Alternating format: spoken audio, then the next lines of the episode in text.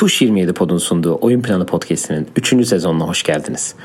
Bu sezonda Can'la birlikteyiz. 2021-22 NBA sezonu yolculuğumuz bugün itibariyle merkez grubuyla başlıyor. Son şampiyon Milwaukee Bucks'ın bulunduğu, Chicago Bulls, Indiana Pacers, Cleveland Cavaliers ve Detroit Pistons'ın da yer aldığı bu grupta bu takımlar bu yazı nasıl geçirdiler? Nasıl hamleler yaptılar? Kimler gitti? Kimler kaldı? Artıları, eksileri, tavanları ne olur? Hepsi birazdan sizlerle olacak. Şimdiden size iyi dinlemeler.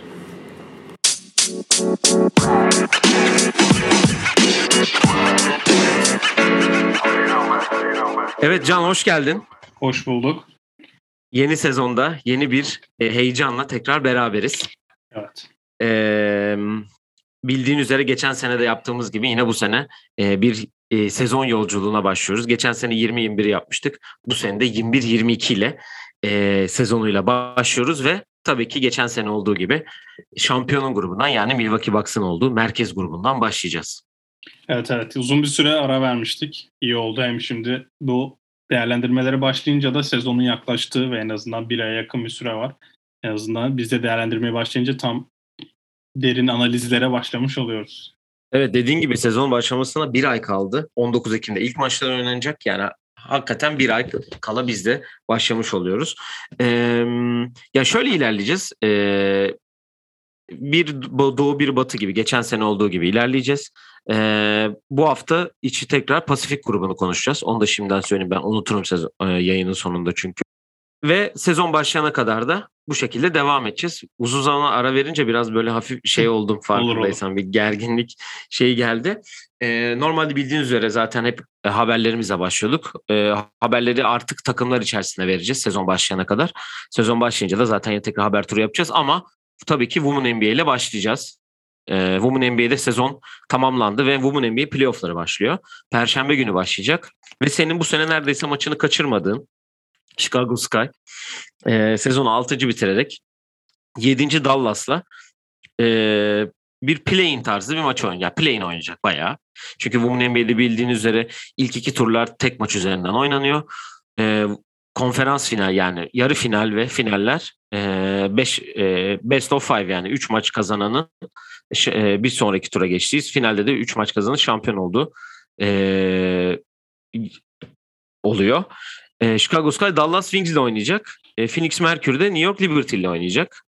Evet. Ee, istersen senden kısa bir e, yani sen maçına çok gittiğin için hani küçük bir değerlendirme alayım burada. Sonra e, yavaştan ilerleyelim.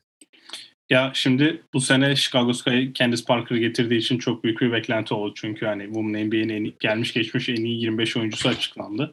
Ya da 20 miydi? 25 olması lazım. 25 oyuncusu açıklandı. Candice Parker o listenin içinde yer alıyordu.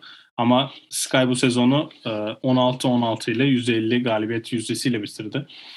Yani değişik olan şey sezon içinde e, Candice Parker'ın sakatlığı varken 7 maçlık bir mağlubiyet serisi, sonra üstüne gelen bir galibiyet serisi ve Candice Parker'ın olmadığı maçlarda takım da galibiyet alamamıştı bir süre. Sonra olimpiyat arası derken zaten bu Women NBA sezonun ortasına gelmesiyle bir takımı, birçok takımı dengesini bozdu. Mesela Seattle'a örnek verebiliriz. Brianna Stewart şu an sakat ve büyük ihtimalle Hı-hı. sezonu kapattı. Ve böyle bir e, denge dağılımından sonra Sky çok yani %50 dereceyle döndü. Önemli olan maçlardan Seattle'ı iki kere yendiler. Phoenix'e kaybettiler. Aces'a da iki kere kaybedip bir kere yendiler. Ben Aces'e bir kere yendikleri maça gittim ki Chicago muhteşem oynadı ve bayağı yüksek tempoyla ama o maçtan 12 gün sonra tekrar Aces'la kendi sahasında oynadıkları maçı 33 sayıyla kaybettiler. Form olarak baktığında ne kadar kendi sahasında oynasa bile ben yanlış hatırlamıyorsam kendi sahasında oynadığı maçların ya dördünü ya altısını kazanabildi Chicago. Ben de çok uğurlu değilim yani bu konuda. Ama ben Perşembe büyük ihtimalle e, gidemeyeceğim. O yüzden belki o uğur getirebilir.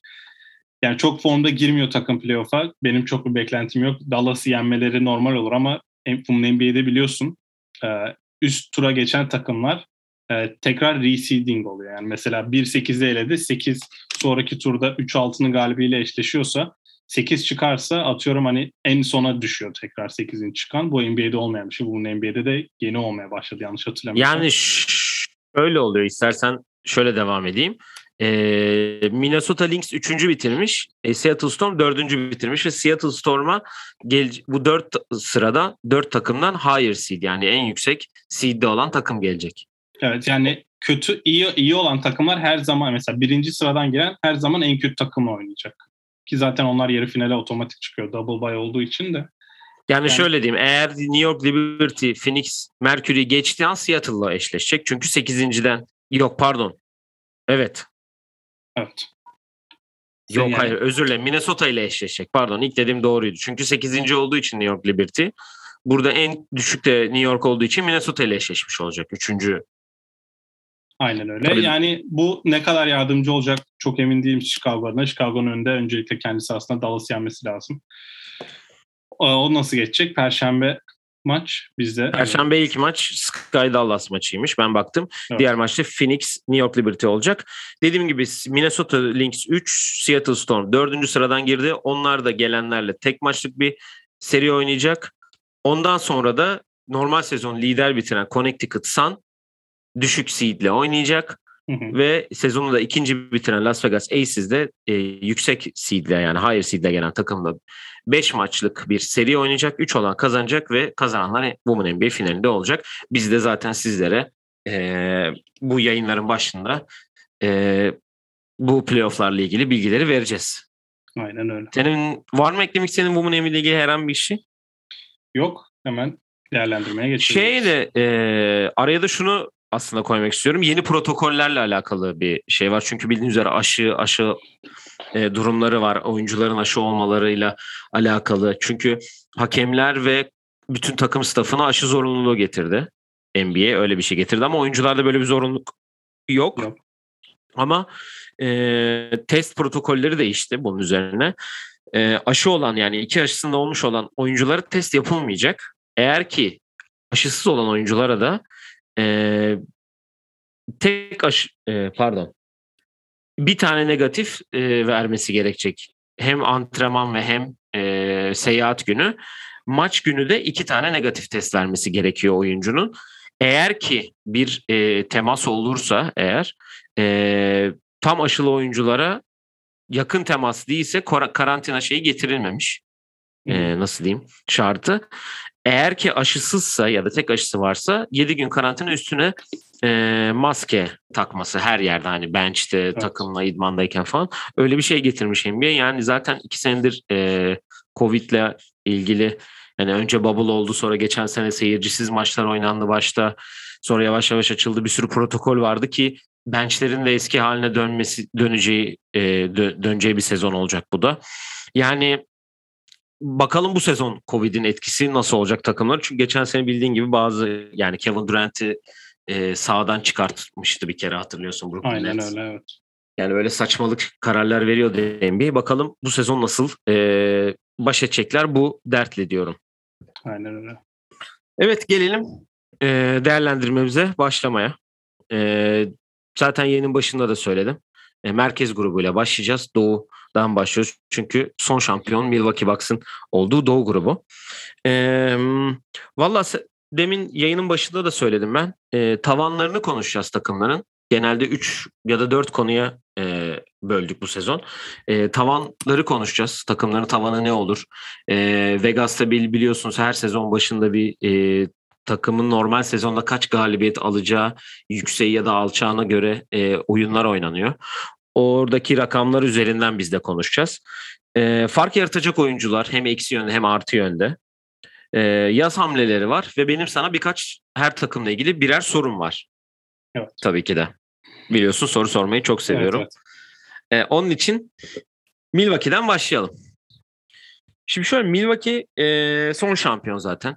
Biliyoruz bunu e, konuştuk bir sürü kez.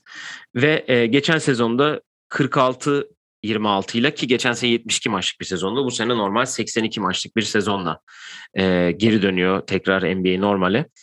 E, Vegas'taki e, tahmin de 54,5 galibiyet ortalaması. E, 54,5 toplam galibiyet verilmiş. İstersen gelen gidenlerden e, küçük bahsedeyim. E, çünkü e, gidenlerde iki tane bence iki tane şampiyonlukta katkısı olan oyuncu var. Hani e, PJ Tucker Miami'nin yolunu tuttu. Brim Forbes bir sezonlardan tekrar San Antonio'ya döndü. Jeff Teague, Sam Merrill, Alex Tupan ve Justin Jackson da ayrılanlar arasında zaten. Ama e, doğru hamleler ya doğru diyeceğim çünkü E, aslında onu birazdan konuşacağım ben. E, gelen oyuncularda da Grayson Allen, George Hill, Rodney Hood, Semi Ojeleye, Justin Robinson ve Tremont Waters var. İki tane de çaylağı var. Georgios Kalat, Kalaitzakis ve Sandro Mamukelashvili. Evet. Ee, sana şöyle diyeyim. Bu takımın istersen önce tavandan başlayalım. Hani benim tavanım çok basit. Ee, back to back yapması olur hani tavanı. Back to back olacak tabii ki. Ve Doğu'yu da hani belki hani normal sezonda biraz daha Mike Buldunozur hep normal sezon koçu mu acaba diye konuştuğumuz olmuştu seninle. Biraz daha nasıl diyeyim e, vitesi normal sezonda geçen sene küçültmüştü. Kimse konuşmuyordu konuşmuyordu. Ve bir anda Milwaukee sessiz ve derinden gelip e, üçüncü sırada bitirdi ve NBA şampiyonluğuna kadar gitti. E şimdi genel bir değerlendirme yapacak olursak Milwaukee Bucks zaten şampiyon olarak gelmesi ve e, bence 2010 son şampiyonlar arasında 2018-19'dan beri yani ilk kez böyle aradan sıyrılıp şampiyon olan takımlar arasında yer alıyor ki yani aradan sıyrılıp şampiyon olan takım herhalde e, Toronto'dan önce Dallas derdik ki Dallas'ta yani bir nerede aynen tam 10 sene oluyor. Dallas şampiyon. Hatta 11 sene oluyor Dallas şampiyon olalı. Yani 11 senede üçüncü kez olan bir şeydi bu. Ve şimdi ben yani direkt istiyorsan alt üst yani Vegas'ın oranıyla başlayayım. Ben ben üst diyeceğim. Direkt buradan başlayayım. Çünkü 54.5 olması bu takımın arka arkaya 60 galibiyet alması ki 54.5 ben baktım. Ee, Bubble'a geldiklerinde de yanlış hatırlamıyorsam zaten 55 galibiyetle mi ne gelmişler Bubble'a. Hani orada evet Bubble çok kötü geçirdiler. Çok hani rezil oldular bile diyebiliriz bence. Bubble'daki durumlarına e, Miami'nin onları düşürdüğü durumu ama e, Bubble'a geldiklerinde bu takım zaten uçuyordu. Evet. 56-17 ile bitirmişler Bubble'ı. Hı hı. Yani 73 maçta 56 yapmışlar. Ben e, tavan olarak senin dediğin gibi back to back yapmalarını gerçekçi çok bulmuyorum. Çünkü e, zaten hani değerlendireceğiz ama Nets'in ben bu sene açık ara favori girdiğini düşünüyorum sezona. Ve Milwaukee'nin bence doğu finali yapması onlar için büyük başarı olur ve ben hani beklenti olarak Milwaukee sonuçta çok büyük hani böyle Los Angeles, Warriors, Nets, Philadelphia gibi bir organizasyon değil. E, gerçekçi beklentileri olan kulüp ve hani şu an kurdukları kadro tekrar şampiyon olmak için bence yeterli değil. Kaybettiklerinde evet PJ Tucker, Brim Forbes, Jeff Teague e, finallerde en azından sahada bulunan oyuncular. E, PJ Tucker ve Brim Forbes dışında hani Jeff Teague'i ben çok önemli görmüyorum da önemli yerlerde bu insanlara arayacaklardır. Yerine kattıkları şimdi Rodney Hood'un bir kumar olduğunu düşünürsek hani Hı-hı. var yok e, Semi Ojele'ye zaten hani bugüne kadar hiçbir şey göstermedi. George Hill hani Jeff Teague'den 5 gömlek daha fazla oynayacak, daha fazla iyi oynayacak diye bir durum da yok. Benim burada beğendiğim en iyi hamleleri e, bir tanesi tabii ki Bobby Portis takımda tutmamaları, tutmaları. Tutmaları. Agent, aynen free agents olduktan sonra takımda tuttular. Bir de kontratın son sezonuna giren oyunculara hani daha kazanan takım e, kontenjanında mesela ben bunun Kyle Anderson'ın takas olacağını söylediğimde çok düşünmüştüm. Onlar da Memphis'ten başka bir oyuncu. Grayson Allen çektiler. E, Pat Connaughton, Grayson Allen, Dante DiVincenzo üçlüsü benzer stil ve benzer tarz oyuncular. Benim ee, notlarımı okumuyorsun değil mi şu anda karşıda? Yok yok. Orada yan yana değiliz artık onu da söyleyelim. Hani Can evet, evet. Amerika'ya geri ee, yani benim notlarımı şu an okuyormuş gibisin. Bana söyleyecek bir şey kalmıyor bu gidişle. Grayson Allen'ın e, şöyle bir durum var. Şimdi yani rol oyuncusu ve ne yapacağını zaten çok net artık kendisi de biliyor. Hani boş gün üçlük atacak sahadaki e, Memphis'e play-in maçını çok eminim de playoff'ları şu an çok hatırlayamam. Play maçını, maçını bitirdiğine eminim Warriors'a karşı hani sahada kaldı ki hani zaten %86 ile forlatan üçlük yüzdesi %40'a %40 yani kariyer üçlük yüzdesi. Ben maç sonlarında sahada kalabileceğini düşünüyorum. Ama e, beklenti olarak bu takımın tekrar şampiyon olmasını beklemek biraz abartı olur gibime geliyor. Ya ben genel olarak hani şampiyonluk onların tavanının hani benim ha, beklentim evet. ya onların tavanı ne olmalı diye e, yorum yapıyorum açıkçası. Hani benim ben de seninle aynı fikirdeyim. Hatta dediğin çoğu şeyde aynı fikirdeyim. E, ama e, PJ Tucker'dan bence tutmamaları e, mantıklı bir hamle olarak görüyorum. Çünkü ondan maksimum verimi aldılar. O kadar hani, verecek paraları da yoktu PJ Tucker'a. Yani evet PJ Tucker'a verecek para da e, dediğin gibi o kadar para yok ama e, ondan maksimum verim arıldı, alındı zaten. E, Brim Forbes e, ilk Miami serisinde sadece iki ya da üç maçta oynadı. Brooklyn serisinden sonra kayıp zaten. Hani daha çıkıp da şey olmadı. E, o yüzden hani çok kayıp olarak görmüyorum açıkçası. E, fark yaratacak diye yazmışım. Ben sen Grayson Allen'ı çok güzel söyledin zaten. Geçen sene 50 maçı çıkmış. 38 maçta ilk 5 başlamış. 10.6 sayı ortalama yapan bir oyuncu. Ee, dediğin gibi e, Pat Connington, Grayson Allen ve Dante DiVincenzo'nun da dönüşü var bu arada. O da bence e, artı yazacak bir durum Milwaukee'ye. E şimdi elinde Dante DiVincenzo varken yanına bir tane daha Dante DiVincenzo ekliyorsun ki bunlar bu konuştuğumuz iki isim de Grayson Allen'da Dante DiVincenzo da kolej yıldızları yani. Hani Aynen. kolejde hep bir tane beyaz çocuk çıkar böyle hani e, kendini oraya komit eder o okula ve hani 4 sene 3 sene neyse oynar ve hani efsane olur orada. İkisi de o enerjiyi sahaya getirebilecek, boş şutu sokabilecek hani Grayson daha şutör bir oyuncu tabii. Ee, ondan e, bir de şamp bir de bir rahatlık gelmiş olabilir diye düşünüyorum. Bir baskı, back to back yapma yani tabii ki çok güzel bir şey yani çok back to back e, göremediğimiz yani en son kim yapmıştı back to back? Warriors yaptı herhalde. Warriors yaptı evet. Evet. 17-18 sezonunda yaptılar. 17-18 aldılar. Ya işte bir rahatlık da gelmiş olabilir. Hem Yanis'e, Middleton'a, Drew Holiday'e bir rahatlık böyle bir şey de gelmiş olabilir tabii ki. O da bir e, onlara bir özgüven de rahatlık da gelmiştir diye düşünüyorum. Benim sana buradaki tek sorum 35 yaşındaki George Hill hamlesi ne gerek var mıydı sence? Ya George Hill'ı yani Jeff Teague yerine Holiday'in arkasına topu getiren Holiday işte biliyorsun Yanis Middleton Holiday hepsi topu getiriyor ve oyunu kurabiliyor. O yüzden George Hill hamlesi hani Jeff Teague kötüydü. George Hill zaten bizim sistemimizi bilen iki sene önce bizim takımımız olan bir oyuncu gelsin oynasın e, kontenjanında olacak. Bir de onlar Dante DiVincenzo'yu da e, biraz da backup point guard yapmak istiyorlardı ki hani hatırla e, Bu arada Miami serisinde Jimmy Butler'dan daha fazla sayı attı. Onu da bir te- dipnot olarak tekrar hatırlatayım. İşte zaten Miami serisinden sonra kayboldu arkadaş. Ee, yani Dante'yi de öyle oynatacakları, oynatmak istedikleri için ve Dante de sakat olunca hatırla işte çok büyük eksiğimiz vardı. İşte ikinci playmaker'ımız sakat tarzı bayağı büyük açıklamalar yaptı takımda herkes. O yüzden Dante'nin önemi de orada bir tık artıyor. Yani George Hill'den alacağın hani bir katkı belli. Hani herkesin backup'ı falan aynı. Yani ligde öyle üst seviye backup biliyorsun ben bu rankingimi sene yaklaşınca yapıyorum. Jalen Brunson ranking, Monte Morris rankinglerimi. Hı hı. Ama yani George Hill işte yani olduğu kadar maç başına 8-10 dakika oynayıp bir rotasyona illa bir katkıda bulunur yani. Ee, var mı Milwaukee ile eklemek istediğin? Yani, ee, oyuncu ve yani, eksi şöyle yaptım ben hani oyuncu olarak benim bu sene görmek istediğim oyuncu ve hani fark yaratacak oyuncu ya fark yaratacak diye değil de ben bu sene hani ne yapacaklar diye merak ettiğim oyuncuların listesini yaptım. Ee, Milwaukee'de tabii ki haterlığımı geçen sene son verdiğim Chris Middleton. Şöyle bir düşüncem var Chris Middleton'la ilgili.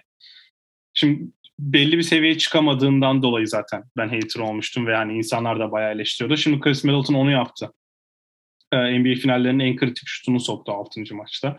Gitti olimpiyat şampiyonu oldu ve belli bir seviyeye ulaştı. Bundan sonrası artık hala o seviyenin oyuncusu. Mesela şimdi birebir karşılaştırdığında belki çok iyi bir örnek olmayacak ama hani başarı, hani kariyer, e, kişisel başarılarını karşılaştırdığında tabii ki Paul George daha önde bir oyuncu Chris Middleton'dan.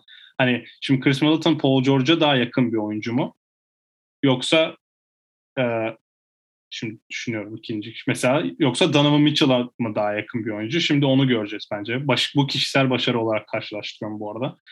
Ee, bu kadar yapmış bir oyuncu bundan sonra Yanis'le birlikte o seviyede Yanis'e daha yakın mı kalacak yoksa düşecek mi onu merak ediyorum. Eksi olarak da takımı hani bu sene ne ters tepebilir? Senin dediğin gibi şampiyon bence aradığın kelime de buydu. Şampiyon doymuşluğu olabilir bu takımda. Hani biz bir tane kazandık tamam. Hani zaten Yeter mi diyorsun? Hani yeter. Tabii ki o kafayla oynamazlar ama hani elendiklerinde inanılmaz üzüleceklerini zannetmiyorum bu takımın. Bir de ekleyeceğim şey son. Hani 2018-19 Raptors sendromu olur mu onu merak ediyorum. Tabii ki Raptors'ta Kawhi Leonard gitti. Final MVP'si ayrıldı okey. Ama şimdi takımlar Milwaukee ile oynadığı zaman biz sizi yenmeye geliyoruz ve ciddiye alacağız e, mesajını ver, vererek gelebilirler ve bunun özellikle ben playofflarda ters tepkini düşünüyorum. Ama normal sezonda tekrar belirteyim 54.5'un üstünde. Hatta 58-60 galibiyete yakın alabileceklerini düşünüyorum. Çünkü Mike Budenholzer yanlış hatırlamıyorsam e, geldiğinden beri bu e, merkez grubunda 5 maç kaybetmemiş ki hepsiyle dörder kere oynadığını düşünürsen bu inanılmaz bir rakam. Yani zaten şimdi konuşacağız. Geçen seneden sadece Milwaukee var yani. Bir tek e, Indiana şimdi sıradaki takım da Indiana zaten ona da geçelim yavaştan. E, kötü bir grup aslında yani. Evet, E, çünkü zaten evet. e, yani Doğu'nun bence en Coğrafya olarak evet. Yani bu öbür gruplara bakıyorsun Washington, Atlanta, Charlotte, Miami var. Öbür taraf zaten söylemiyorum bile. Hani Brooklyn'ler, New York'lar, Philadelphia, Boston. Onlara da sıra gelecek ama merak etmeyin diyelim. Indiana'ya geçelim. Ee, Indiana geçen sezonu 34-38'de play-in'de Wizards'a kaybederek sezonu bitirdiler. Ee, Vegas e, sayıları 42,5. Ee, geçen sezon kötü bir sezon geçirdi. İlk sezonun ilk 20 maçında e, ilk 20 maçına kadar başka bir takım sonra geri kalanında başka bir takımla oynadılar. Çünkü James Harden takasına dahil oldular. İşte Caris LeVert ge- geldi de işte kalbinde ve böbreği pardon, böbreğinde bir sıkıntı varmış, bir kitle bulunmuştu falan diye. O sakatlıktan geliyordu. TJ Warren zaten daha sezon başlamadan kapatmıştı. E, Oladipo gitti derken bir sürü şey yaşandı. Bitatse'nin hocayla kavgaları bilmem ne falan diye zaten kötü giden e, sezonda her şey yokuş aşağı gitti. E, ama orada bence yazın yani gelenler gidenler kısmında gelenlerde sadece Tory Craig var. Bir de drafttan seçtikleri Chris Duarte var. E, takfişi oynasın deniyor hatta Duarte işinde. Biz de öyle söylemiştik. E, sana e, drafttan sonra Isaiah Jackson çektiler. Ve tabii ki senin de e, bir dönem antrenörlüğünü yaptın. Kiefer Sykes var.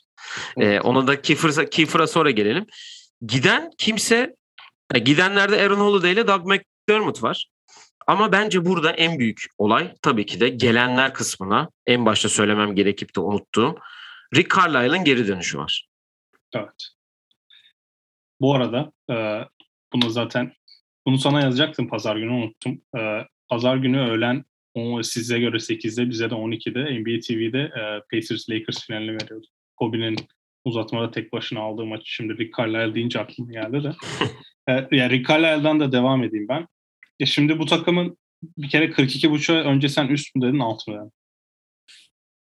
42.5 çok geldi bana ya. Ya Alt şöyle mı? şimdi ya bu tav ben sana söyleyeyim tavanı play'in yine bu takımın. Ya geçen sene 34-38 yapmışlar. 10 maç var. 8'ini ka- hatta 9'unu kazanmaları lazım. Gibi düşün. 6 ya. 6 olsa ama 41 olur falan yani. Ya ben üst dedim. Üst dememin şöyle bir nedeni var. Ee, şimdi bu takımı e, hatırla işte sezon ne zaman? Kasım yok Aralık'tan Aralık'ta mı açılmıştı sezon? Evet, Kasım evet, sonu, Aralık. Christmas'ta. Aynen. Ee, ya bu takımın biz e, koç neydi adamın? Nate Bjorkgren'la aralarının tutmadığını falan biz ocağın ortasında falan öğrenmeye başladık. Daha 20 Ama maç ki- olmamıştı neredeyse. Ki başta iyi de başlamışlardı. Aynen çok Bayağı iyi şey- başlamışlardı. Sabonis'i biz haftanın oyuncusu seçmiştik birkaç hafta. Hatta ilk beşlere de yazmıştık ama bu takımın uymadığını ve hani geçen sene böyle düzelen bir takım. Dediğin gibi ilk sene ilk yarıyı farklı, ikinci yarıyı farklı oynayan bir takım. Şimdi Rick Carlisle'da bütün bir e, pre-season geçirecekler. Off-season geçirdiler. Chris Levert, Chris Levert neler yapabileceğini biliyor. TJ Warren'ın bir sakatlığı vardı yanlış Evet. hatırlamıyorsam ne zaman geri dönüyor. Sol, sol ayağında bir stres kırığı varmış. Ben ona baktım çünkü. Sol ayağında bir stres kırığı var. Ee, 2016 Ağustos'ta bugün basketbol oynadım ve keyifliydi diye bir haber yazılmış. Yani yavaş yani yavaş şöyle bir şey diyeceğim. TJ Warren bubble yıldızıydı biliyorsun Indiana Evet. adına. Ve oradan beri hiç basketbol oynamadı. Evet, ya TJ Warren'da şöyle bir şey var. Onun zaten hocayla, onun kavgasının hocayla olduğunu hatırlıyorsun değil mi? Ee, Phoenix'te de birlikte çalışırken o varsa ben yokum tarzı birkaç açıklaması vardı. Yani biraz hocayla alakalıydı. Şimdi Carlisle böyle şeylere izin vermiyor. Ee, şimdi ben de konuştukça kendimi 42.5'u alt demem daha mantıklıymış gibi geliyor. Ee, kaybettikleri oyuncular dediğin gibi Aaron Holiday ile Doug McDermott çok bir şey kaçırmıyorlar. Oyuncu olarak ben Lavert'i seçtim çünkü yani ne yapacağız şimdi? TJ McConnell'ı tuttular. Sabonis'in nasıl bir oyuncu olduğunu biliyoruz. Miles Turner'ın e, hangi seviyede bir oyuncu olduğunu biliyoruz ve asla Ya o ve- seviyenin üstüne çıkamayacak gibi gözüküyor. Ve yani Miles Turner her takas döneminde hep dedikodularda var. Ha gitti ha gidecek. Ha Artık gitti ha gidecek. ya. Yine gitmiyor yani. Ha, yine gitmiyor çünkü biraz ondan şey bekliyor galiba. Rick Carlisle 2011'de Dallas'ta şampiyon olduğunda Tyson Chandler Yok, yaratmak mı şey. istiyor acaba Evet, diye. Çok üçlük atmayı seven ve hani artık biraz da dışarıda oynamak isteyen. Yani Rick Carlisle bilmiyorum oraya da geleceğim de ben Lavert'ü seçtim çünkü hani diğer oyuncuların hepsinin nasıl bir şey olduğunu, ne olduğunu ve hangi seviyelerde oyuncu olduğunu gördük. Lavert hariç. Şimdi Lavert'le geçen sene Brogdon, Lavert, Sabonis üçlüsünün sıkıntı yaşadığını duymuştuk. Ee, ve hani işte hangi topu kim atacak muhabbeti olmuştu baya. O yüzden şimdi Lavert oradan nasıl sıyrılacak bu aradan ben onu merak ediyorum. Ve bu iyi iyi şekle dönerse ben de hani başarılı olacağını düşünüyorum Pacers'ın. Yani evet Levert'ün nasıl geleceği burada çünkü e, Brooklyn'deki son sezonunda gerçekten çok iyi basketbol oynuyordu yani hani acaba oraya çıktı mı oraya geldi mi e, yerinden e, derken bir anda kendini Harden takısının içinde buldu. Hatta ben niye bize gelmedi hani Rockets'a niye gelmedi falan diye bayağı da laf etmiştim. Bizde kalsaydı bize Oladipo yerine onu verselerdi falan diye de konuşmuş söylemiştim hatta. Evet, evet. Ee, ya şunu soracağım peki. Ee, bu arada Edmund Edmund Sumner'ı da Aşil tendonunu kopardı. Ameliyat olmuş o da büyük ihtimal yani büyük ihtimalle sezonu kapattı. Ve Kiefer Sykes de bir kontrat aldı. Bununla ilgili neler söylemek istersin? Aslında onu sana sorup ben e, Indiana ile ilgili e, düşüncelerimi şöyle kapatayım. Doğu'da onlara sıra gelmez. Öyle söyleyeyim. Yani play'in onlar için çok büyük başarılı olur. E, ama onlara sıra gelmez büyük ihtimal. Ya ben de bu arada senin yorumların üstüne ben de 42.5'a alt diyorum değiştiriyorum düşüncelerimi. Ee, ya Kiefer'la ilgili diyeceğim şey kendisi zaten geçen sene Avustralya'ya gitti. Orada iyi bir sezon geçirdi. Finale kadar kaldılar. Ee, ondan sonra geldi. Ben geldiğinde konuştuğumda yine Avustralya'dan bir teklifin hazır olduğunu ama olabilirse ki kendisi verdiği bir röportajda olabilirse Euroleague'de birinci guard olmak istediğini yoksa da başka teklifler kovaladığını söylemişti ki e, Zeki mi yaz ligi de oynadı. The Basketball Tournament'ta oynadığı inanılmaz turnuva. E, Syracuse takımıyla oynadığı inanılmaz turnuva ve finalde o 1 milyon dolarlık maçta maçı bitiren şut sokması üstüne yaz liginde oynadığı ki yaz ligine inanılmaz oynamadı. Orada biraz da Duarte nasıl bir oyuncu diye görmek istediler. Ama Exhibit 10 e, imza, imzaladı. Yani preseason oynayıp serbest kalma ihtimali var ama şu anlık e, Pacers formasıyla izleyeceğiz gibi gözüküyor. O yüzden de mutluyum en azından NBA'de oynayan. Yani benim çalıştırdığım NBA'de oynayan bir oyuncu var. E, Pacers'ı da şöyle kapatacağım ben. E, hani ne ters tepebilir diye. Ben 2011-12'den pardon 10-11'den sonra e, Dallas playoff yap, playoff'ta hiç seri kazanamadı. Yani bu Rick Carlisle'ın 10 yıldır başarısız olduğunu göstergesi.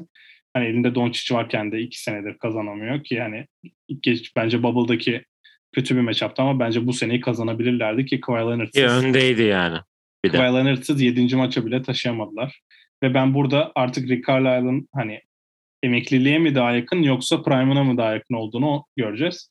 Burada da rol dağıtımda nasıl sıkıntılar yaşayacak onu merak ediyorum. O yüzden ters teperse zaten hani 40, 42'yi geçtim play'ine bile yaklaşamayabilirler. Yani dediğim gibi orada sıra gelmeyecek diye düşünüyorum yani çok takım var. Ee, ya şöyle bu arada bu biz bu hani kadroları konuşuyoruz şey yapıyoruz ama bunlar şu anlık kadrolar. Hani sezon başında işte preseason'dan sonra tabii ki de değişmeler olacak. Bu takımlar belli sayılara inecek. Belli şey iki tane işte two way kontratlı oyuncu olacak iki yön hemcilik falan. Onların da haberlerini zaten sizlere tekrar vermiş oluruz diyelim. Ee, ve bence Indiana'nın bu seneki en büyük rakibi olan senin de e, olduğun şehir olan şehrin takımı Chicago Bulls'a gelelim. Ee, geçen sezonu 31-41 ile tamamladılar. E, Vegas da onlar için 42.5 açmış. E, ya zaten onlar için ben off-season şampiyonu diyorum. Sil baştan kadro neredeyse. Yani Lakers'la beraber belki de e, en fazla hamleyi yapan e, takım olabilirler. Giden gelen özellikle.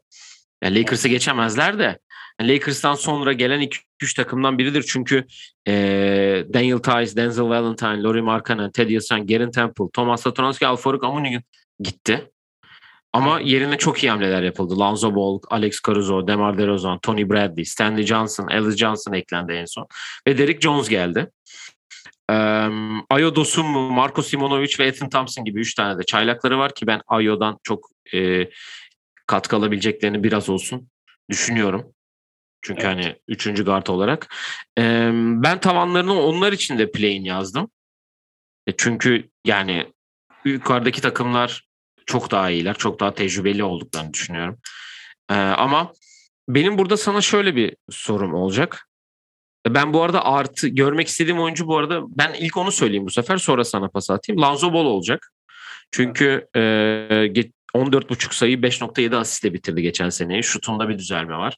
Ben bu hamlenin çok iyi olduğunu düşünüyorum Chicago için. Hep bir Kobe White'tan beklenen katkıyı alamayıp Thomas Satoranski'nin bile çok iyi işler yaptığı Chicago Bulls'ta. Lanzo'nun e, topu at, doğru şutu sokup ve topu da potaya sokabilecek insanlara servis yapabileceği daha rahat servis yapabileceği bir yer olacağını düşünüyorum. Çünkü Pelicans'a Zion'la Ingram'la oynarken acaba hangimiz topu? Çünkü diğer ikisi daha toplu oynamayı seven oyunculardı. Burada daha çok hani servis yapabileceği bir Vucevic var. Hani ya da DeRozan ya da Lavin'i dışarıda bulabileceği gibi. Ondan Lanzo'yu ben görmek istiyorum çok. Yani sana şöyle geleceğim. Bu takımın birinci, ikinci ve üçüncü opsiyonu sırayla nasıl olacak? Alt mı üst mü onu da söyle. Ben 44 diyorum ya. 42.5'a üst dedin yani. Üst dedim evet.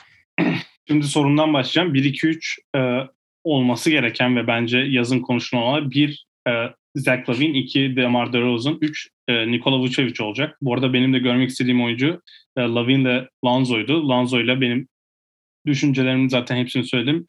Ekleyeceğim tek şey e, Houston'dan Toronto'ya geçen Kyle Lowry'de bir patlama vardı. 26-27 yaşında Lanzo da oraya yaklaşıyor. E, 28 olduktan sonraki senelerin hepsinde şu 6 sene arka arkaya Kyle Lowry e, All-Star oldu.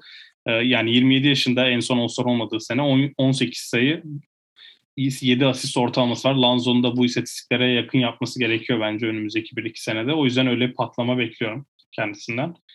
Lavin'le ve birinci opsiyon olmasının nedeni de bu bence. Şimdi bir extension muhabbeti var biliyorum. Ee, çoğu kişi hani Lavin'in bana saygı göstermeleri lazım tarzı açıklamalarını görmüştür ama yani Lavin de bunu evet sadece onun takımda bulunuyor diye hadi hemen herkese max verelim diye bir şey hak ettiğini düşünmüyorum. Bu D'Angelo Russell ve Andrew Wiggins gibi örneklerle elinizde de patlayabiliyor. Evet Lavin All-Star oldu ama e, D'Angelo Russell da olmuştu. O yüzden birinci opsiyon olarak neler yapabildiğini bu sene görmek güzel ve e, asıl haber dün çıkan. Yani çok büyük bir haber değil ama iki sene sonra ya da 2025'e doğru imzalanacak e, televizyon anlaşmasında salary cap'in şu an 120'lerde olması lazım. 175'lere çıkacağını e, tahmin ediliyor ve bu rakamlar çıkılırsa atıyorum Lavin anlaşacağı max kontrat 4 ya da 5 seneden imzalayacağı max kontratın yüzdesi bir anda atıyorum salary cap'in %35'ini tutuyorsa bir anda %20'sini tutacak. O yüzden Chicago'lar hadi hemen imzalayalım moduna geçtiler. Şehirde şehrin kalbi böyle atıyor diyebilirim. Şehirde hava bu yönde mi? Ee, aynen öyle. Yani Lavin bilmiyorum nasıl bir adam adım atacak. Ee, Middleton'da bahsettiğim bir olay ama yani Middleton seviyesine gelmesi için daha çok ekmeklemesi gerekiyor. O yüzden e, Lavin'den beklentim en azından bir max kontrat hak edecek bir sezon oynaması ve en önemlisi Demar DeRozan'ın yanında var olabilmek. Çünkü benim bu takımla ilgili e, ters tepebilecek olayların bir tanesi şutörlük. E, ilk beşte mesela maçı bitirecek beş desek işte Lanzo, Lavin, DeRozan, e, Vucevic, Vucevic. yanında artık o gün kim iyi oynuyorsa herhalde. Pardon ama bu takımda bir tane şutör yok. Kesin şut atan. Ve savunma hani zaten hani savunma inanılmaz bir olay değil. Özellikle Chicago için savunma çok önemli gibi gözükmese de e, bu takımda yani wing savunmacısı bir tane gerekecek çünkü DeMar DeRozan asla bu olayı yapmıyor. Ee, Zach Lavin olimpiyatta bu görevi üstlenmeye çalıştı ama yani Amerika milli takımında Zach Lavin yapmasa atıyorum Jeremy Grant yapardı. Biri illa yapardı. Ama kimse yapmıyordu. Öyle de bir durum vardı orada. Aynen öyle. Yani wing savunucusu gerekecek, şutör gerekecek ve son olarak da hani bu takımın bir e, kaybetme alışkanlığı var. Ben 42.5'un altta bitireceklerini düşünüyorum. Çünkü bu takım en son 42 42'den fazla galibiyet aldığı sene. Derrick Rose, Joakim Noah, Brad Miller mi oynuyormuş? 2014-2015 sezonunda 50 galibiyet almış. Takım tam 50 çok abi. Bak 43 tamam. olursa da üst oluyor ama 43 Fred, de olabilir. Fred Hoiberg'in ilk senesi 42-40.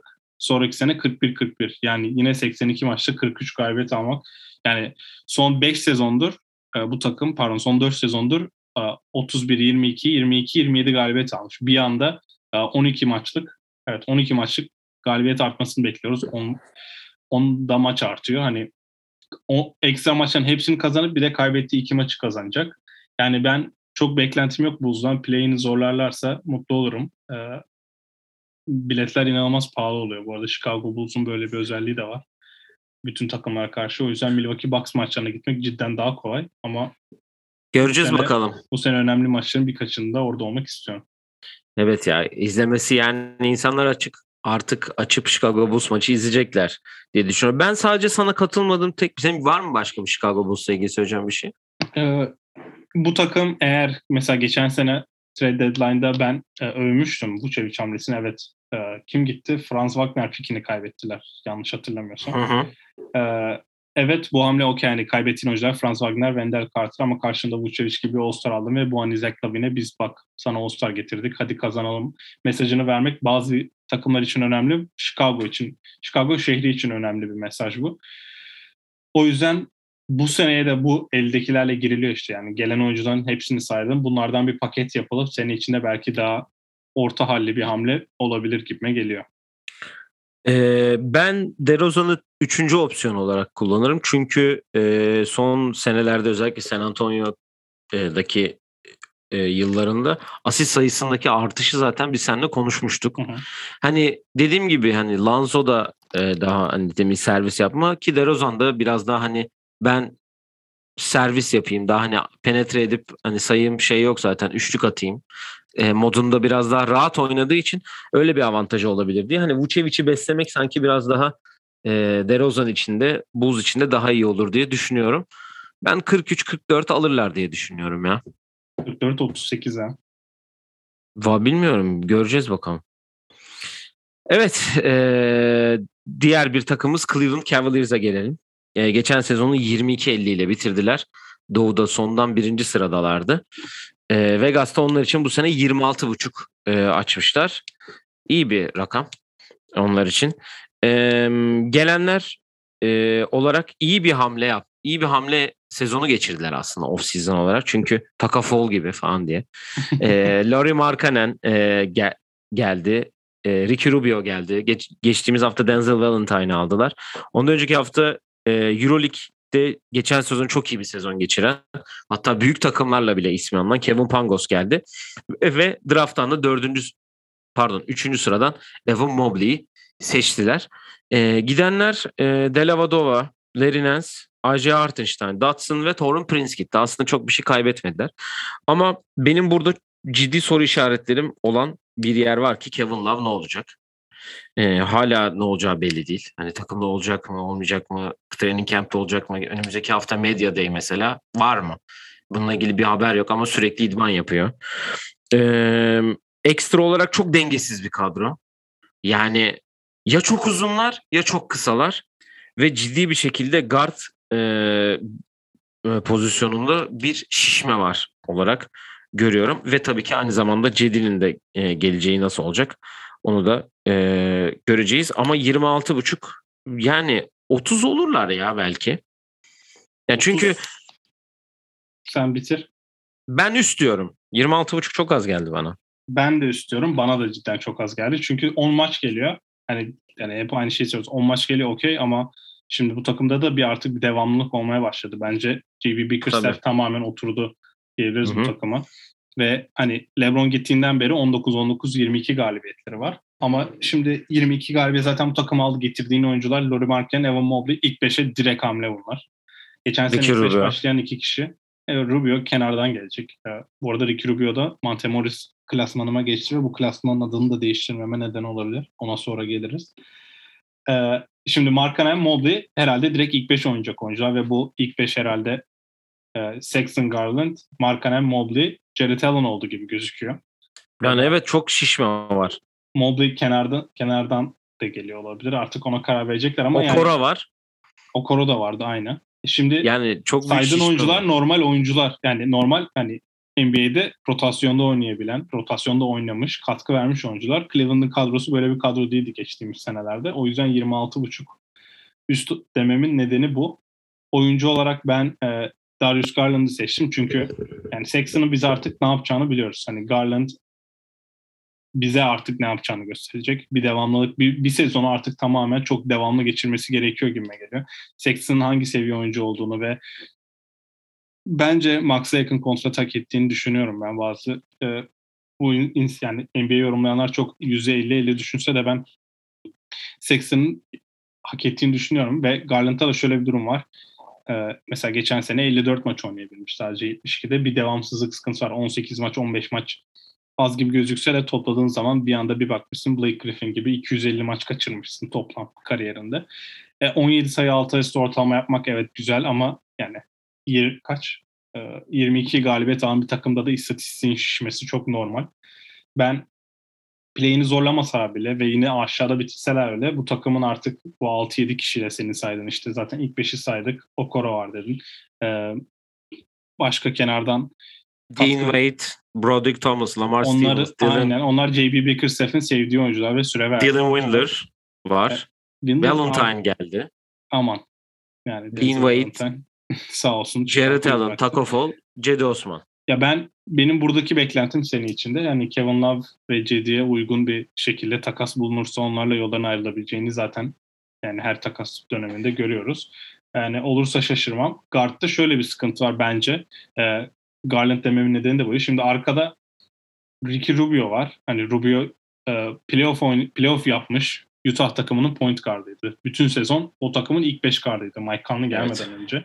Şimdi Kel sezonu iyi başlayıp bir anda hani tepeye doğru hani tepeye derken hani kendi tepelerine kendi e, tavanlarına doğru oynamaya yaklaştıkça acaba Rubio'nun e, istikrarı varken şimdi Garland'ı 3-4 maç kaçırdı. Biz bakalım bir Rubio başlasın. Garland'ı bench'ten getirelim olur mu? Onu merak ediyorum ve hani Sexton zaten hani 20-25 sayı atacak. Artık bence o kesin ve her, ona göre bir basketbol oynanacak. Ama Alan Mobley ve Markkanen de birinin top yapması gerekiyor ve onları dağıtacak işte burada tabii ki Garland olacak. Kevin Pangos Christmas değil de e, Sevgililer Günü'ne kadar diyeyim. Avrupa'ya dönmezse şaşırırım. Yani Sevgililer Günü son gün olarak veriyorum kendisine. Çünkü bu takımda çok kart var. Ben çok süre alacağını düşünmüyorum. Niye burayı seçtiğinden de emin değilim. Onu da dipnot olarak geçeyim. Son olarak da eksimi verip sana atıyorum. Roller ve çok az adam var demişim. Zaten bunun hepsine değindik. Ama 26.5'un üstü olması nedeni de e, çok yani az, 26.5 Vegas'ın ayı. Vegas'ın ayıbı. Yok 30 mesela bunun 26.5'u 27-28 yapsan çok sınırda bir şey olur ama 30 da çok fazla yani. Yani 28 kaç oluyor? 28 54 oluyor. O da yani kötü bir sezon yani 28-54 de kötü bir sezon ama e, Vegas'a üst yani. Evet. Ya ben, ben sana şöyle Cleveland... bir soru sorayım. Kevin Love takas olacak mı? Olacak. Buyout değil takas diyorsun yani. Hı hı. Ha, bu arada Cleveland ha çok tamam o geçen sezon ortası zaten gitmişti. Ee, şey Jared şöyle Allen diyeceğim. sözleşmesi uzadı ama onu diyorsan. 4 yılı 100 mü ne vermişlerdi yanlış hatırlamıyorsam. Yok işte Jared Allen da aslında. Ya şöyle bir şey söyleyeceğim ben. Ee, işte Jared Allen, Markanen, Mobley üçlüsüyle oynayacaklarsa Markanen 3 numara oynamak zorunda kalacak. Ee, oraya oynamak istiyor. Garland Sexton gelecek falan filan. Hani şöyle diyeceğim ben Cleveland'la ilgili şunu söyleyeyim kapatayım. Beklentim hani sezon nasıl başlayacağı önünde. Bir Kevin Love draması devam edecek. Kevin Love'ın 58 milyonu kalmış kontratında bu sene ve önümüzdeki sene. Buyout yapmaz. Bizim de e, John Wall da takas istiyor biliyorsun. Ken Onda acayip yaptı ama var. bilmiyorum ki. Ee, şöyle bir şey olacak hızlı girecekler bence sezona. Nitekim bu sezon da öyle girmişlerdi hatırlıyorsan. Sezon ortasına doğru düşüş yaşanacak. Ayrılıklar olacak. Bilmem ne olacak. Kevin Love'ı sezon ortasına kadar tutacaklar. Sezon ortası da uygun bir pakette e, gidecek. Ama hızlı başlayacaklar. Çünkü bu yeni şu an idman yapıyorlar galiba hep beraber. Cleveland'ın Instagram hesabında evet. sürekli bir scrimmage e, görüntüleri var. Oradan görüyorum ben de. Yani Markanen de orada hani neredeyse herkes orada şu an. Kevin Love'ı göremedim ama. Ee, bunlar da sezon sonunda biz Darius Garland'ı mı tutacağız, Colin Sexton'ı mı tutacağız kararını vererek sezonu bitirirler diye düşünüyorum ama ben play'ine bile yaklaşamazlar diyorum ki ama 26.5'da çok aşağılık olmuş yani biraz ezmişler evet. yani Vegas'ta da. Diyelim ve grubun son takımı olan Detroit Pistons'a gelelim. Geçen sene son sırada tamamladılar Doğu Konferansı'nı 20 20 galibiyetle. E, Vegas onlar için 25.5 açmış. Ee, tabii ki gelenlerde Kate Cunningham var. Birinci sıradan e, draft edildi. Trey Lyles ve geçen seneyi Houston'da star olup böyle bir kontrat alan Kelly Olynyk var. Kendisine tekrar teşekkür ederim geçen sene verdikleri için. E, Trey Lyles geldi dedik. Luka Garza geldi. E, aynı zamanda e, başka Isaiah Livers var. Bir de Chris Smith gelmiş çaylak olarak. Gidenlerden de Wayne Ellington, J. Okafor, Mason Plumlee, Dennis Smith Jr. ve Dumbaya gitmiş. Yani onlar için ben onları da üst diyeceğim. 25 buçuk çok az ya. Ya 5 maç daha yani Kate zaten alacak 5 maç kendine yani. yani. Öyle bir durum var. Ama ha, bu arada şunu da söyleyeyim. E, hem Cade'e hem Evan Mobley şimdiden e, çaylak yılın çaylağı oylamasına ikinci ve üçüncü oldukları için de tebrik edeyim. Hani onu şimdiden de. Çünkü Jalen Green onlara acımayacak. Çünkü evet yani lütfen. Ben bu arada Houston şeyini görmedim, bakmadım onu Vegas'a. O da neyse oraya gelince konuşuruz. Yani çok fazla bir beklentim yok açıkçası Detroit'ten. Geçen seneki gibi çok fazla e, zaten bir tane National TV maçları var. O da bizde oynayacakları maç diye biliyorum. Aynen.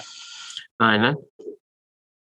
Yani Sadik Bey yani Isaiah Stewart, Sadik Bey, Jeremy Grant, e, Killen Hayes zaten bunlar olan oyuncular. Corey Joseph uzattı. Neyi uzattı bilmiyorum ama e, geçen sene biraz ses getirmiş ki Sadik Bey'in haftanın oyuncusu biliyorsun. Bu evet. Oyun Planı Podcast'in en çok konuşulan oyuncularından biridir Sadik Bey. ee, onun için yani 25.5'tan üst olur diye düşünüyorum. Şimdi tabii Cade'i gör izlemek istiyoruz burada yani. Bir de hani nasıl bir guard rotasyonu olacak? oyuncu çünkü. kesin o oyuncu olarak kesin zaten. Yani hayır, bir de şeyi de merak ederim aslında. Senin de onu Cade'i seçeceğini tahmin ettim ama bunu da seçebileceğini düşünüyorum. Killian Hayes'in Cade'le uyumunu çok merak ediyorum. Nasıl bir şeyde olacaklar? İkisi de topu elinde tut, tutup yani sonuçta Killian Hayes bir guard. E, Cade de Oklahoma State'te hep top elinde olan oyuncuydu yani. Ya ben ya Cade'de şöyle bir şey var hani kim olursa olsun sahada rahat rahat oynayabileceği için hani zaten de fiziksel olarak da 3-4'e bile kaydırabil yani 3 oynarken 4'e bile kaydırabileceğin için hani Hayes'e sıkıntı yaşamaz. Hayes'in zaten kendini kanıtlaması gereken bir sezon artık. Çünkü sakatlık ve kötü bir sezondan sonra 20 galibiyet almış bir takım. Bu arada en son e, son iki sezondur 20 galibiyet alıyor. Bu takım 20-46 ve 20-52 yani son gerçi 82'lik desek zaten orada Blake Griffin sayesinde e, playoff yapıp elenmişlerdi de. E, 25.5 ben karar veremedim. Cidden hani 25 25-57 de normal. Yani 26-56 da normal gelir. Şimdi 50 şöyle bir durum var. Hani eklenen oyuncular arasında hani Joseph Diallo ve e, Kate Cunningham, Kelly Olynyk, Trey Lyles. Hani dört tane böyle hani NBA'de orta seviye olabilecek takımda oynayabilen o takımlarda oynayabilecek oyuncular geldi. Ve yanına da Kate geldi. Şimdi Kate var diye rakipler gelip hadi biz Detroit'e biraz ciddi oynayalım yapmaz. Yine Detroit'e çok ciddi alacaklarını düşünmüyorum da. İşte o yüzden e, ekstra oynayacakları 5 maçı Kate Cunningham, 5 maçı da Kelly Olynyk alacak. Ee, ya şöyle bir şey olursa bu bence e, 25.5'ta sıkıntı olur. Yine hadi bırakalım hani sezon sonunda hadi Oklahoma'nın geçen sene yaptığı gibi son 25 maçın 24'ünü kaybedelim değil de yine bir yerde hadi bırakalım kaybedelime dönerse 23-24'te takılabilirler gibime geliyor. O da üzer yani. E, oyuncu zaten Cade'den bahsettik. Yani sen hani şakayla karışık söyledin ama ben bir 18-7-7 tarzı bir sezon bekliyorum. O yüzden Rookie of the Year'ı yürüyerek alır gibime geliyor. Eğer, Yürüyerek diyorsun. Tabii 70 yani 82 maçın 70'ini oynayıp 18-7-7 yaparsa zaten gider New York'tan kendisi alır. Ofisten ödülü. Hani şey gelmelerine bile gerek kalmaz. Ama ters tepebilecek eksi bir olay. Bir kere ben Dwayne Casey ile artık çok e, yani tam ben bir, biraz okeyim yani Dwayne Casey ayrılabilir gibime geliyor. Onunla sözleşme uzattılar yanlış hatırlamıyorsam. Biri o. Şimdi ona bakmaya çalışıyorum. Diğeri yani. de e, NFL'den vermiştim bu örneği. E, Miami Dolphins'en olması lazım. Flores'i getirdiklerinde hani biz rezil bir takım olsak bile hani kazanma kültürünü getireceğiz ve yavaş yavaş kazanacağız demişti ki hani bu sene belki playoff'u zorlayabilecek bir takım olabilirler. Ee, Miami, ay pardon, Detroit'te de şöyle bir sıkıntı var. Yani bu takım otomatik kaybedecek ve bu hani kaybettin kaybettin hani mesela Sekou Doumbia kaybeden bir takımda hiçbir zaman potansiyeli çıkmadı. Şimdi Doumbia tabii ki yetenek olarak seviyesi bir oyuncu değil ama Dwayne Casey mesela Doumbia gibi bir oyuncuyu parlatamadı. Ee, şimdi Dumbaya. Yani neyse artık Seku diyeyim ben. Yani Nets'e gitti. Orada da çok gelişecek değil de. yani bu takım hem kaybedecek hem de böyle geliştirilemiyorsa Dwayne Case tarafından e, bunun ilerisi nasıl olacak onu merak ediyorum ve herhalde kaybetmeleri daha iyi olur ki en azından bu seneki drafttan da e, iyi bir şey çeksinler. Çünkü Cade Reddy yanına takım kurmak çok kolay olmayacak gibime geliyor. Yani Zion durumu olmaz. Evet. E, bu arada Detroit dedin. NFL dedim bu akşam da Green Bay Packers Detroit maçı var. Hani bilmiyorum Detroit Lions. Fark o. 30 25 artı diyorum farkı hatta. Kötü başlayan bir şey. Evet. Bu ar- e, yani söylediğin şeylerde açıkçası ben eklemek istediğim pek fazla bir şey yok ama senle Kate ya Cade'i ben çok istiyordum biliyorsun Rockets'a gelsin diye ama ben de hani Cade'in şu an lige en hazır oyuncu olduğunu düşünüyorum ama tabii bir Jalen Green'le görmek isteriz yani. Bir görelim yani onu da. Arada Eee, 2022 ilk tur hakları nı protected olarak e, Rockets'a vermişler. İlk 16 sıra. Biz Yani mi? Pistons, Rockets, Thunder takası ne zaman olduysa bu Chris Paul takası mı acaba? Oradan çıkan bir takas ha, yok Trevor Ariza ha, Alperen takasından olan bir pick var. Hı hı. Bir de e, Trevor Ariza, Isaiah Stewart, ha, Christian Wood sign and trade'inden yapılan takasta da e, siz bir hak vermişsiniz e, Pistons'a. Olur öyle şeyler yaparız genelde oluyor. Evet e, merkez grubunun da sonuna gelmiş bulunuyoruz. E, bütün takımlara başarılar diliyorum. E, var mı senin eklemek istediğin herhangi bir şey merkez Yok, e, grubuyla alakalı? Sıralama olarak e, nasıl? Yani ne, neye yapmış olduk? Bucks 1, Bucks 1, um, Bulls Chicago iki mi? 2, Bulls 2 evet. Not al onları sen. Tamam. Bucks 1, Bulls 2, Pacers 3, Cleveland 4, Detroit 5. 26.5'la 25.5 bir, bir galibiyet fark olurdu. Bir galibiyet yani bence ikisi de. Ya 25 buçuk çok az ya. Denk gelirse ben KD izlemeye çalışacağım bu sene canlı. Evet onu bir görmek lazım. Evet. Var mı eklemek istediğin herhangi bir şey? Yavaştan kapatalım istersen. Genel Yok. olarak. Top değişiyor bu sene. Wilson Evet, oluyor biliyorsun. Wilson oldu. Wilson toplar bayağı güzel. Ya böyle e, Spalding toplar çok kaygan oluyordu. Yani böyle elden kayan bir toptu. Wilson topların böyle daha elde tutması, gribi, yakalaması falan daha kolay bir top. O yüzden güzel oldu. Evet, Perşembe akşamı e, Pasifik grubuyla sizlerle olacağız. Los Angeles Lakers, Los Angeles Clippers, bu senenin finalisti Phoenix Suns, Sacramento Kings ve Golden State Warriors'la sizlerle olacağız. Belki de Batı'nın en e, çetin grubuyla hatta Evet. sizlerle olacağız. E, yani resmi olarak artık yolculuğa başladık. Özledik zaten de. Böyle konuşunca da daha da konuşası geliyor adam biliyorsun sen. Aynen öyle. Et TUS27 Pod, Instagram, Facebook, eee, Twitter her yerden bizleri takip edebilirsiniz. Bizi özel hesaplarımızdan da takip edebilirsiniz. Sorularınız varsa yollayabilirsiniz. Eee, Cuma günü görüşmek üzere diyelim. Kendinize iyi bakın. Hoşçakalın. Hoşçakalın.